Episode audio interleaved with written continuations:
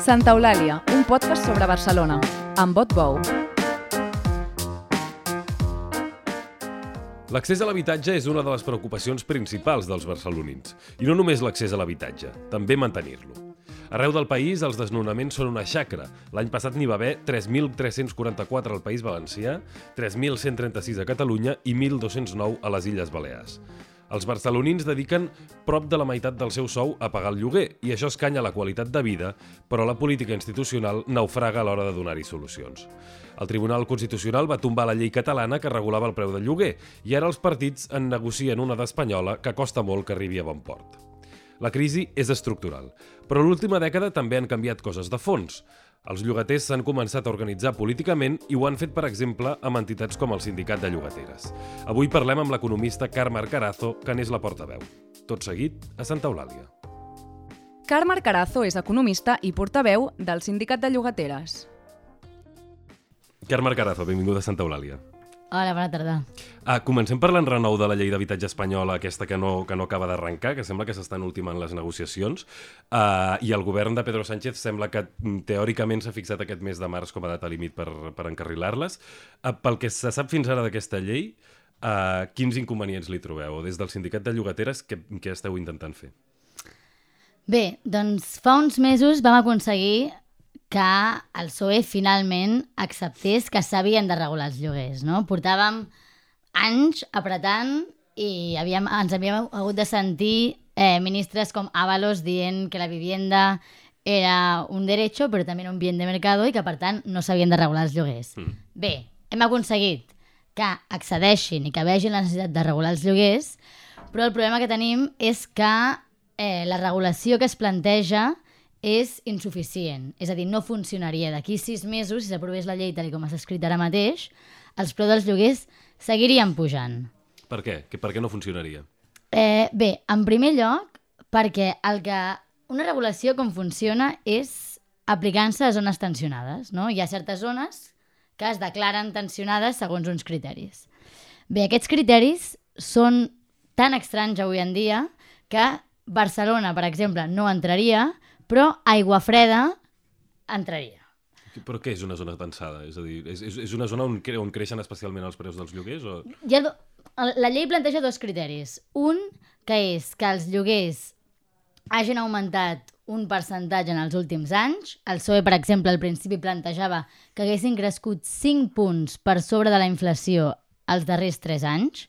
Clar, eh, la inflació, quan ho plantejaven, estava al 10,2%. Per tant, hi ha molts pocs llocs que puguis acreditar que els últims 3 anys hagi pujat un 15%. O sigui, és una brutalitat. I l'altre criteri que es plantejava era que el lloguer representés més d'un 30% dels ingressos de, dels llogaters. Fins aquí, aquest segon criteri té tot el sentit. Però el que deia el, el, el PSOE era que necessitaven els dos criteris per declarar una àrea tensa. I aquí en sortia que literalment cap capital de província a tot l'estat espanyol podria regular els lloguers. Per tant, anunciaven una mesura que en efectes pràctics no volia, no volia dir absolutament res. Uh mhm. -huh. I aleshores els criteris que en realitat, eh, segons vosaltres, s'haurien d'implementar, quins serien? Quins criteris solucionarien aquest, aquest decalatge? Bé, eh, el primer és que els lloguers hagin augmentat dos punts per sobre de la inflació, però aquesta inflació limitada en un 2%, -huh. perquè entenent que estem en un període completament excepcional i que no pots mm, fer servir la inflació com a barem quan no hem tingut una inflació tan alta des de l'any 85. I d'altra banda, que el segon criteri que té, el, que té tot el sentit, no? de dir eh, que els lloguers superin el 30% dels ingressos, això està molt bé, però és que no hi ha dades a nivell municipal eh, i, per tant, fa impossible que alguns ajuntaments puguin acreditar que és una àrea, àrea tensionada. Llavors, què plantegem aquí? Eh, que calgui un dels dos criteris i que amb qualsevol dels dos eh, es pugui declarar per, per regular els lloguers. Sí, és, una, és que són coses molt tècniques, realment. Sí, mm. costa d'entendre, però, ja, però ja va bé aterrar una mica les coses vale. perquè si no la la, la, la gent no sap per on començar, diguem-ne, o no sabem per on començar a entendre la crisi, no? I entendre les raons de la crisi. Exacte. Llavors, fins ara hem avançat i hem aconseguit que amb un dels dos criteris sigui suficient. Mm -hmm. Però llavors la setmana passada ha aterrat Nadia Calviño i ha decidit que el de la inflació era massa lax, el que, el que s'havia proposat i, i on ja hi havia acord. I, bueno, estem fent passos enrere i ara, un cop més, Barcelona no tornaria a entrar a la regulació, tal com està previst ara mateix. Uh -huh. Aleshores, el problema és que si hi ha tantes zones del país eh, que es queden sense, sense entrar en el, en el paràmetre de zona tensionada, No poden regular els lloguers. no poden regular els lloguers. Uh, I és clar, Barcelona, per exemple, que és un, dels, és un dels problemes principals i que, a més a més, necessita una coordinació, diguem-ne, amb tots els municipis de l'àrea metropolitana, no només impedeix la, regula la regulació dels lloguers, sinó que impedeix aquesta, aquesta actuació uh, coordinada amb tots els municipis del voltant de Barcelona. No? Sí, és a dir, és que no té cap mena de sentit. O sigui, te n'adones que qui, que qui ha pensat aquesta llei ho ha fet no pensant en contenir preus i en que baixin els lloguers, sinó que ho ha fet pensant en no perjudicar alguns interessos.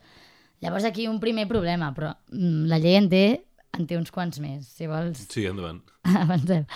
Eh, L'altre és que hi, havia, hi ha tot el debat sobre si la, la regulació s'ha d'aplicar a la totalitat dels arrendadors o només als grans tenidors. Uh -huh. I l'altre problema és la definició de què és un gran tenidor, no?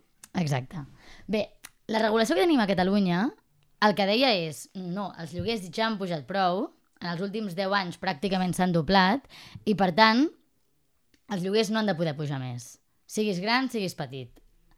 I si estàs per sobre d'un índex, un índex mitjà de mercat, per tant un índex realment eh, molt alt, si estàs per sobre d'aquest índex i per tant el preu és molt abusiu, ha de baixar el preu mitjà de l'índex. Eh, I no fèiem distinció entre si eren grans o petits perquè entenem que el tema no és si és gran o petit, sinó si està especulant i te posa un preu abusiu o si no. Aquí un cop més el PSOE té una visió diferent i vol crear una distinció entre grans i petits. Mm, Com es, o sigui, a què es tradueix això? Això es tradueix a que el 70% de, de Barcelona, de, dels, dels llogaters de Barcelona, no es veurien beneficiats per una regulació de preus si només és d'aplicació als grans tenidors. Uh -huh. I això és un problema, perquè veiem que no només especulen els grans tenidors.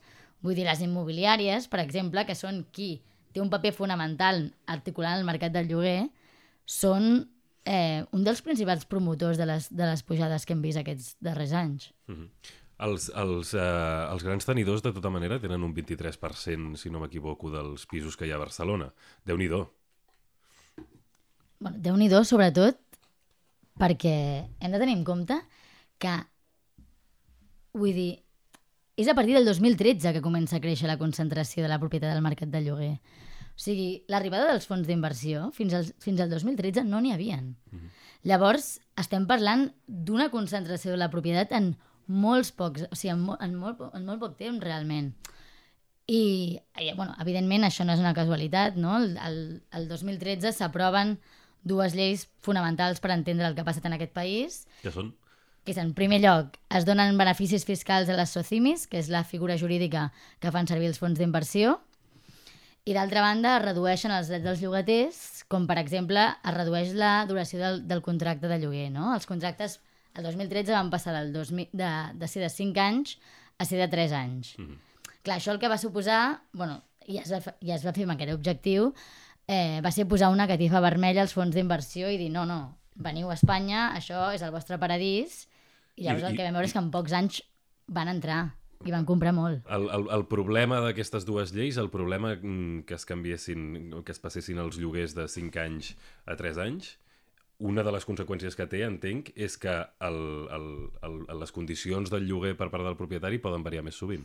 Clar, o sigui, aquestes lleis estaven pensades bàsicament perquè els bancs en aquell moment havien acumulat un parc d'habitatge enorme després del, de que patés la bombolla del 2008 i Europa estava apretant perquè els bancs no acumulessin tant de risc. Mm. I per tant es van crear totes, es van generar unes condicions perquè la bombolla immobiliària es traslladés al mercat de lloguer i això només es podia fer d'una manera, que és eh, que es, poguessin, es poguessin donar pujades de lloguer mm, més sovint que abans, no? Esclar.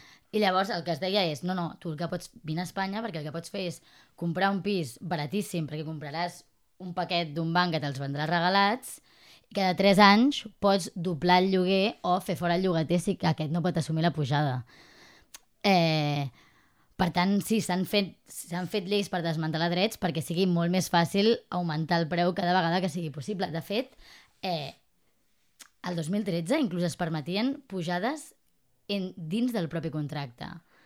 Que això canvia el 2019 en gran part gràcies al sindicat, no? El mm -hmm. sindicat neix el 2017 i jo crec que la primera gran victòria a nivell legal o institucional que tenim... És que en un mateix període de contracte no es pugui alterar... Exacte, el, que no es pugui alterar i que aquest, aquests o sigui, que els contractes en comptes de durar 3 anys comencin a durar 5 o 7 anys en cas de, de que sigui una empresa l'arrendador. A banda d'aquest avenç, eh, n'hi ha pogut haver altres? O, o, o què ha passat amb tots aquests anys des del 2013, que ja és una dècada sencera, mm, perquè encara costi tant de desllorigar la, la nova llei de l'habitatge? És a dir, jo crec que el, el gran avenç que, que s'ha assolit en els darrers anys és mm, crear bueno, un nou subjecte que són els llogaters, no? És a dir, fins en aquest país, de l'any 31, no s'havien organitzat els llogaters. Organitzar-los, eh, articular-los políticament. Exacte. Que jo crec que és el que ha acabat possibilitant els canvis que s'han aconseguit.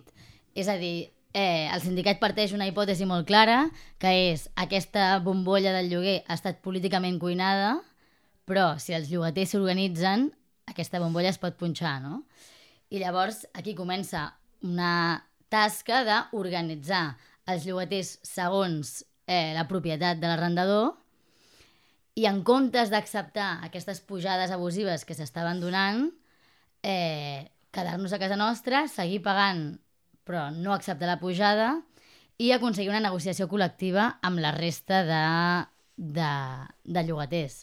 I aquí aconseguim doncs, seure a negociar a Blackstone, seure a negociar a Goldman Sachs, i és gràcies a aquests milers de persones que en el fons el que estan fent és una regulació de facto, no? que estan dient, mira, jo és que em nego a pagar mm, 300 euros més i no marxaré de casa fins que em faci un nou contracte al mateix preu, és gràcies a aquesta gent que després a, Catalunya aconseguim una regulació de preus, que aconseguim que el govern vegi la importància de, de fer contractes més llargs i mm, jo crec que és gràcies a això si, si aconseguim una llei d'habitatge serà gràcies a aquesta gent que s'ha mobilitzat, si no m'hagués estat bastant impensable. Uh, un altre dels punts polèmics o que ha generat uh, tensions polítiques d'aquesta llei que s'està negociant ara és que és, és Uh, el fet que si un pis, uh, si en un pis hi ha rehabilitacions o canvis en, la, en les adaptacions energètiques, que és un dels problemes que té, que té um, tot l'Estat i bona part d'Europa, però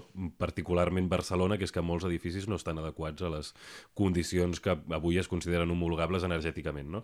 I deia, un dels, un dels uh, punts calents d'aquesta llei és uh, la, la, la possibilitat que uh, quedin exempts de complir la regulació dels lloguers aquests edificis en què hi hagi rehabilitacions o en què hi hagi aquesta mena de reformes.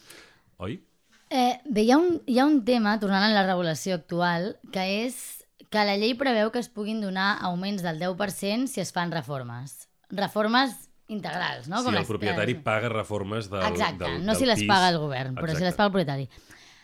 Jo crec que està bé, és a dir, jo crec que està bé incentivar que es millori l'estat dels pisos i que es facin reformes.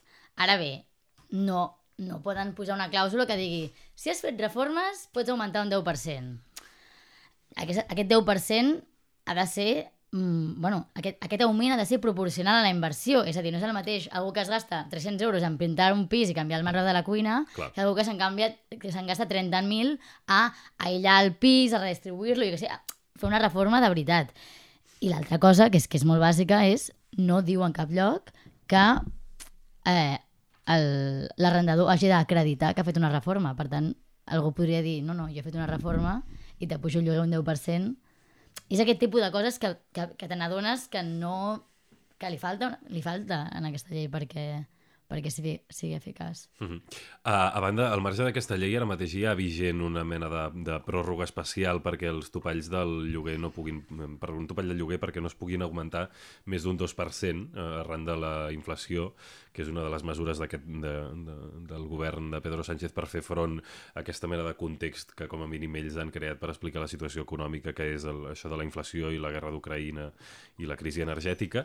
Uh, hi ha un... mm, Teniu por des del, des del Sindicat de Llogateres i altres entitats que quan s'acabi aquesta pròrroga, que si no m'equivoco s'acaba a finals d'aquest any 2023, hi hagi uh, molts, uh, molts, molts arrendadors, molts propietaris que facin una pujada molt abrupta del preu del lloguer?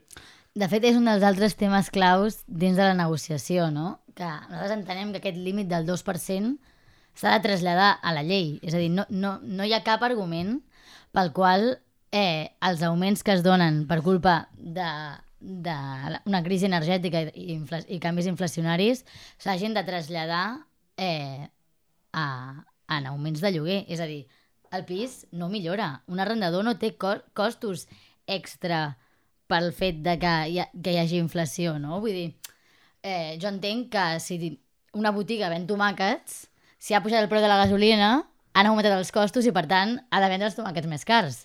Però en, quan parlem d'un pis, no hi ha cap raó econòmica darrere d'aquests augments i, per tant, entenem que si el govern ha pogut prendre aquest tipus de, de mesura extraordinària durant aquest any, ho ha de poder traslladar a, a la llei. Mm.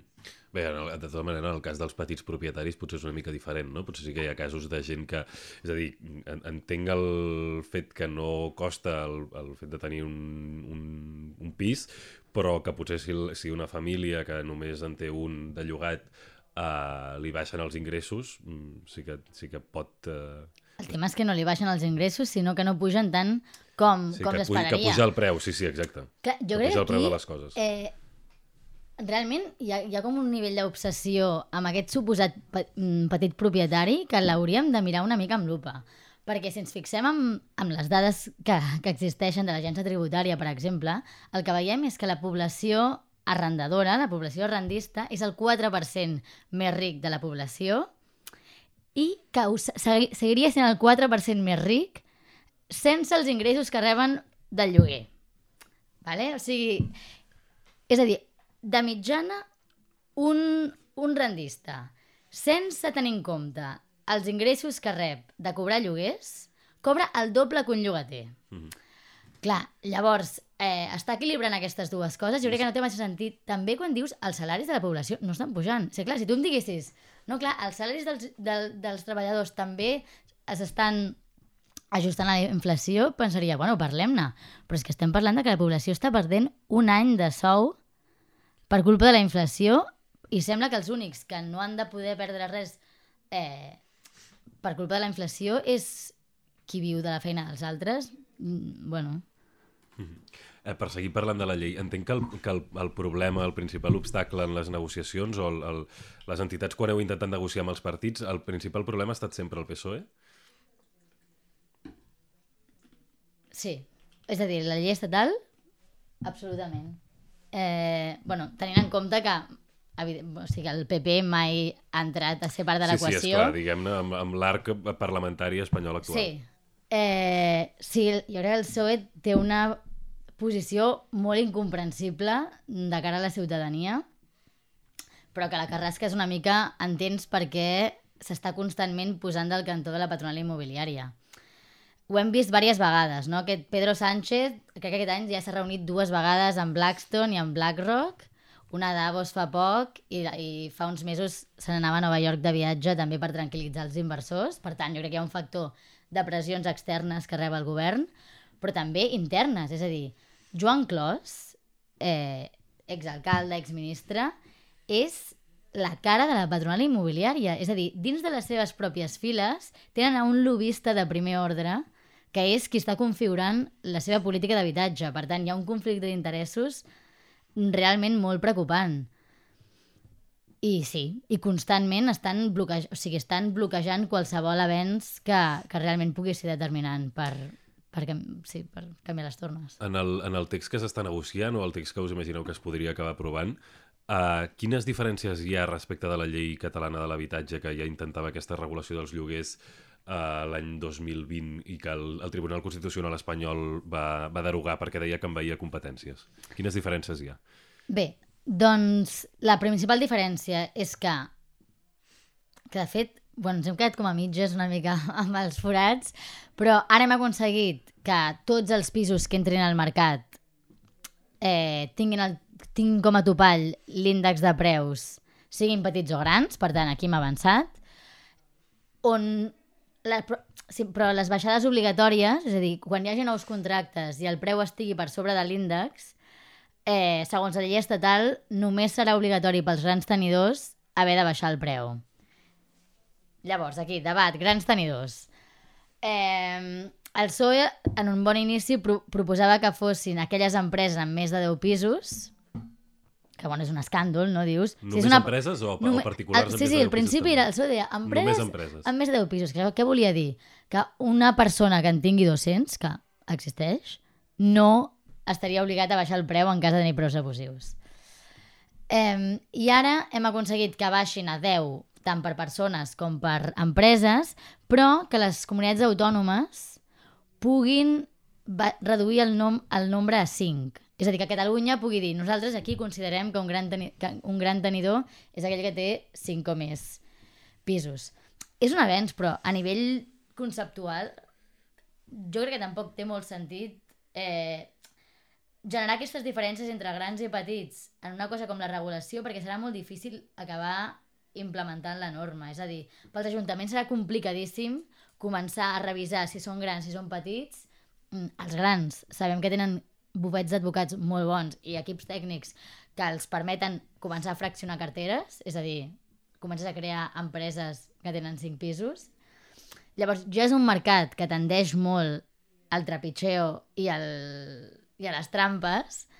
Llavors, mm, quan passa una llei realment has de, jo crec que has d'intentar fer-la de la manera més clara possible perquè no se la saltin, perquè aquí vam tenir ja molta experiència. O sigui, aquí, eh, que, que era col·legi d'apis, cambra de la propietat, col·legi d'apis, sí, estem parlant d'un o sigui, un, un organisme col·legiat. Col·legi d'apis, cambra de la propietat i no sé qui més, dues setmanes després de que s'aprovés la regulació, publicaven una guia de com saltar-se-la, bàsicament. Clar, llavors tu com a govern, has de ser una mica pregabut. Uh, I aquí diu que aquesta llei del Parlament durant el temps que va estar vigent va, va provocar uh, que la, bé, la regulació va provocar que l'oferta d'habitatges caigués. Uh, això, això és un dels riscos de regular el lloguer? Bé, eh, de fet, és interessant perquè abans de que la regulació s'aprovés a Catalunya, eh, tots vam escoltar una quantitat de mantres constants sobre com allò seria l'apocalipsi, que causaria eh, que molta oferta que sortís del mercat de lloguer, i justament haver tingut aquesta llei vigent durant un any i mig a Catalunya ens ha pogut demostrar el contrari, no? Durant l'any i mig que la regulació va estar vigent, l'oferta va créixer més als municipis on es regulaven els lloguers que on no es regulaven els lloguers. I això no segons fonts dubtoses, sinó segons l'Observatori Metropolità d'Habitatge, segons l'Institut d'Economia de Barcelona, basat en les dades de les fiances eh, dipositades. No? Jo crec que quan parlem de lloguers, eh, al debat públic es fan moltes trampes, perquè, perquè sovint s'acaben fent servir dades, per exemple, d'idealista o de fotocassa, mm. que evidentment són una part interessada de tot això.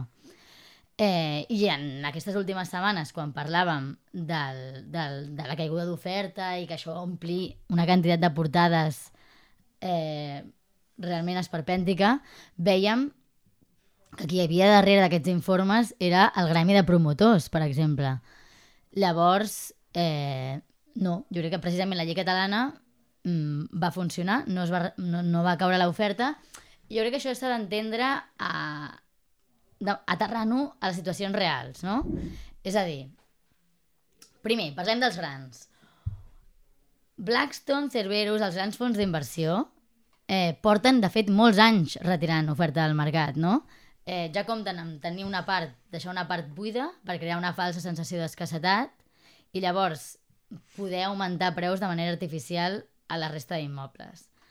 Per tant, mm, que diguin que retiraran l'oferta, bueno, pot ser que ho facin, però no és una anomalia del que porten fent els últims anys. I l'altra part, que és la que a mi em sembla més interessant, és la de, mm, sí, més petits tenidors, no? Eh, jo crec que algú que, mira, la jubilada o aquella gent que, que complementa sous cobrant lloguers, pel fet de no poder seguir pujant els preus, si realment complementen sous, no el retiraran del mercat. O sigui, si tu estàs cobrant 800 euros i et diuen que no el pots pujar a 900 o no el pots pujar a 1.000, mm, no el trauràs perquè en teoria tu necessites això per, per, per Clar. complementar. Mhm. Per tant, mm, té, té sentit que no, no s'hagin retirat l'oferta, també perquè estem parlant d'una llei que és molt de mínims, que es diu, en un moment en els preus no, estan, no han estat mai tan alts que no puguin pujar més. No estem parlant d'una llei que sembla aquí que, estem, que estiguem reduint els preus un, un, un 40%, que realment és el que tocaria, no? Perquè jo crec que lo interessant seria una llei que realment mm, provoqués baixades fins, als, fins al punt de 2013. Però estem parlant d'una llei molt light i que no pot tenir cap mena d'efecte en l'oferta. Per acabar de tractar el tema de la llei, a veure si el podem arrodonir, esperem que, que, que pels oients no hagi quedat massa, massa dispers o massa tècnic, uh, però um, ara dèiem, hi ha, hi, ha, hi ha aquests forats en les negociacions al sindicat de llogateres i les entitats, esteu intentant, uh, una de les coses que intenteu és uh, el, aquest aclarir què són les zones tensionades, uh, quin, quins són els altres les, les altres qüestions que per vosaltres són fonamentals en, la, en les entitats, amb la negociació, que n'hem acabat n'hem anat parlant, però, però per acabar de, perquè quedin clares. Bé, hi ha, hi ha un tema que, de fet, s'entén com un dels forats de la regulació, tot i que no sigui exactament el mateix, que és el tema dels contractes temporals. Contractes de lloguer de temporada. Uh, tothom que hagi buscat un pis ide- idealista últimament haurà vist que està ple de pisos amoblats pels quals s'està cobrant una barbaritat i que són contractes que van de 31 dies a 11 mesos. Aquesta és una modalitat que han trobat les empreses per acabar cobrant lloguers molt més alts aprofitant-se que després de la pandèmia, mm, per exemple, han arribat molts més nòmades digitals o aprofitant-se de que el que et permeten aquests contractes és anar pujant preu any a any. Llavors pensem que aquest tipus de contractes també han d'entrar dins de la regulació. D'altra banda, un dels punts que no se'n parla gaire i realment és fonamental és eh, el tema de les immobiliàries. És a dir, avui quan una persona entra a llogar un pis ha de pagar un 10% d'una anualitat a la immobiliària. Que això que van sent 1.000 o 2.000 euros, De vegades Que- més, més d'un més mes de sí, lloguer. sí, més d'un mes de lloguer, que se'n van a pagar uns serveis que realment se li fan al propietari. Eh, o sigui, pagues una immobiliària que després et jugarà a la contra durant els 5 anys de contracte. Això no té cap mena de sentit. No passa en lloc, en cap país veí, eh, el, el cost de comercialitzar un immoble l'ha de pagar no qui el comercialitza, sinó mm, qui el compra, no? I això eh, ens arriben, de fet, molts casos eh, de, de propietaris que ens diuen mireu, nois, és que no, jo havia posat un pis a Idealista per 700 euros i m'han començat a trucar a immobiliàries dient que el pugés a 1.000 euros i que tots els, els, els gastos de gestió que tranquil, que ja li cobrarien al llogater. Per tant, més enllà de la ràbia i la, la barrera d'accés que suposa eh, aquest, aquest 10% de l'anualitat, jo crec que les, les immobiliàries són en gran part responsable dels augments que s'han donat els últims anys, no? perquè si ells cobren un percentatge del preu del lloguer, són els primers interessats en aquest, que aquest preu del lloguer mai caigui.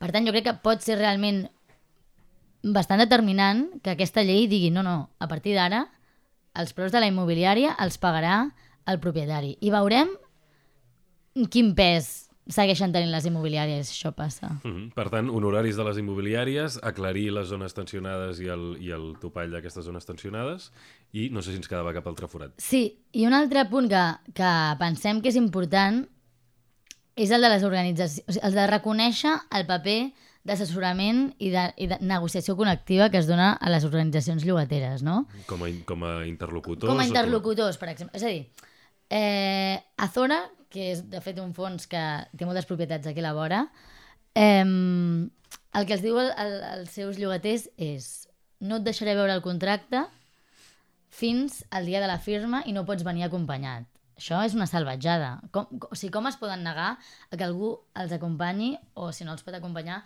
que es revisi el contracte prèvi- prèviament? Bé, això pensem que s'ha d'atacar. I també, eh, sobre el que comentàvem abans de, la, de les negociacions col·lectives, pensem que és important que això es reconegui per llei.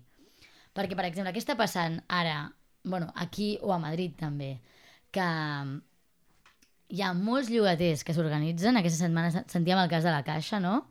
On hi ha més de tres blocs organitzats eh, que demanen una negociació col·lectiva que diuen, no, no, tots nosaltres volem que ens renovin a tots sense pujades, però llavors eh, la Caixa o Blackstone o qui sigui es dedica a taladrar trucades als veïns mm, mentint-los, oferint- oferint-los ofertes per trencar aquest procés de negociació. Llavors que pe- pensem que si el que volem és mirar a llarg termini, no només a la situació actual on ara anem molt apurats i no podem assumir una pujada, sinó si volem que realment la situació entre llogaters i propietaris canvi en un futur, és important eh, que es donin avenços com els que es van donar al seu moment en el món del treball no? I, i començar a guanyar més drets col·lectius. Al marge de tots aquests forats que espereu que la llei ompli, uh, la, segons el sindicat de llogateres, per exemple, el, la possibilitat, en el cas de Barcelona, uh, d'ampliar la construcció, de construir més habitatges, és, podria ser una de les solucions per la, per la crisi en conjunt? És a dir, el, la, la llei de l'oferta i, la, i la demanda no funciona bé en el mercat de l'habitatge. Això ho vam veure molt clarament durant els anys de la bombolla, no? Mm, El 2008, durant aquella època, Espanya va construir més, crec que era que Regne Unit, Itàlia i França junts. I si més no, han sigut els anys on més han augmentat el, els preus. Eh, per tant, augmentar l'oferta no es tradueix necessàriament en que baixin, en que baixin els preus, no? Eh, això s'entén també perquè, bueno, és que aquí... A veure... Eh, llavors, és cert que l'oferta... Pot estar bé que l'oferta augmenti en determinades zones, però si no, si no augmenta el parc públic, això no té sentit. O sigui, mm, regalar terrenys a promotores o donar beneficis a promotores perquè construeixin en, un, en el mercat lliure no en resoldrà la crisi de És l'habitatge. a dir, que la construcció només, només formarà part de la solució si sempre és de lloguer social. Sí, o sigui, habitatge públic habitatge de protecció, de, de protecció eh, oficial de lloguer a perpetuïtat. És a dir, què ha passat en aquest país? Eh, des de l'any 1952 fins a l'actualitat, a l'estat espanyol s'han construït 6,8 milions d'habitatges. Això suposa un 35% dels habitatges habituals. Què vol dir això? això? Si realment aquests habitatges s'haguessin mantingut com a de protecció oficial o, o com a habitatge públic, això voldria dir que Espanya tindria un dels parcs d'habitatges públics més grans de tota Europa. Què ha passat? Que això s'ha anat de- desqualificant, és a dir, hem fet una inv- inversió pública titànica, eh, s'ha anat desqualificant i ara ens trobem amb un raquític 2%. Mm. Llavors, és important que la construcció que es faci sigui eh, pública i que ho I que sigui a duri per perpetuïtat, sempre. que duri per sempre i en règim de lloguer, no en règim de compra, perquè bàsicament fer un règim de compra és privatitzar-ho al minut 1.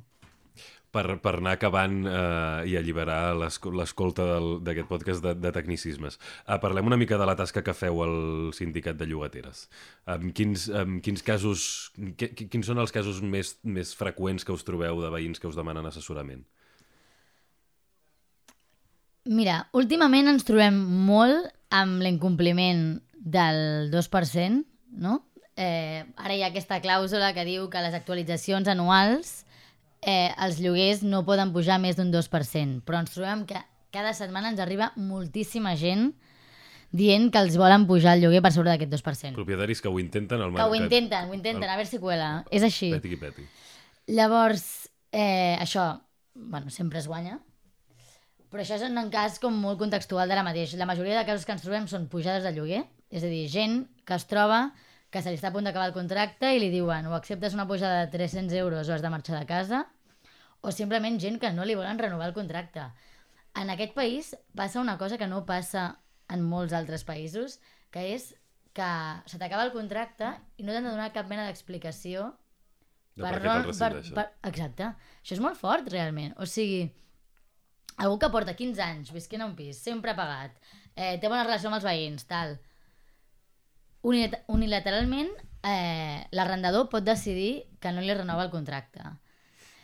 I això mm, té diverses implicacions. Evidentment, té la, té la implicació de que es pot expulsar algú de manera completament gratuïta, però també jo crec que genera un estat de por que fa que es vulnerin drets més enllà.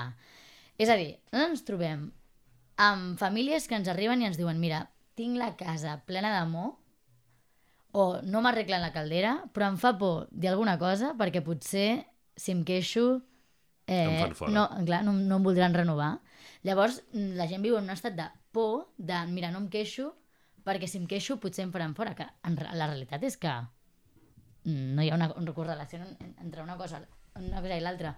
Però realment eh, és un gran problema que jo crec que s'hauria d'haver encarat a la, a la llei estatal i no ha entrat, però... Banda, és una d'aquestes coses que aprofundeix en una de les conseqüències col·laterals que sempre té la crisi de l'habitatge, que és que dificulta l'arrelament no? i la, la, la consolidació, que també és una, un, una derivada d'un altre dels, altre dels prismes d'aquesta crisi d'habitatge, que és el lloguer turístic, no? que és que, que desarticula més la vida en, les, en els edificis, en els blocs de pisos, en els barris, etc etc. Sí, sí.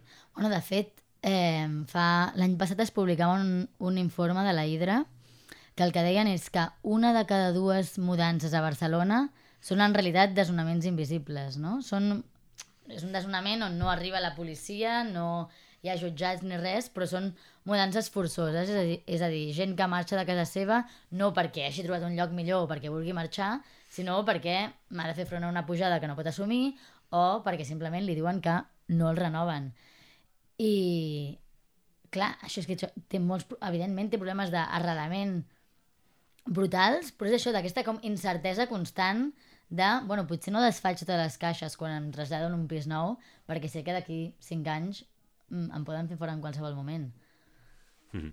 Doncs, eh, Carme Carazo, amb, amb, a l'expectativa de si es poden omplir aquests forats i de si podem anar trobant solucions a una de les crisis més greus que viu Barcelona, que és la de l'habitatge. Moltíssimes gràcies per venir a Santa Eulàlia eh, i esperem que torneu aviat. Gràcies a vosaltres. Recordeu que els oients ens podeu enviar comentaris i suggeriments a l'adreça de correu electrònic santaeulalia.vilaweb.cat. Pel que fa a la tasca del sindicat, podeu consultar-la a la seva pàgina web, que és sindicatdellogateres.org. Gràcies. Santa Eulàlia és un podcast de VilaWeb presentat per Otbou amb Carles Garcia al servei tècnic i a les veus Maria Castanyer.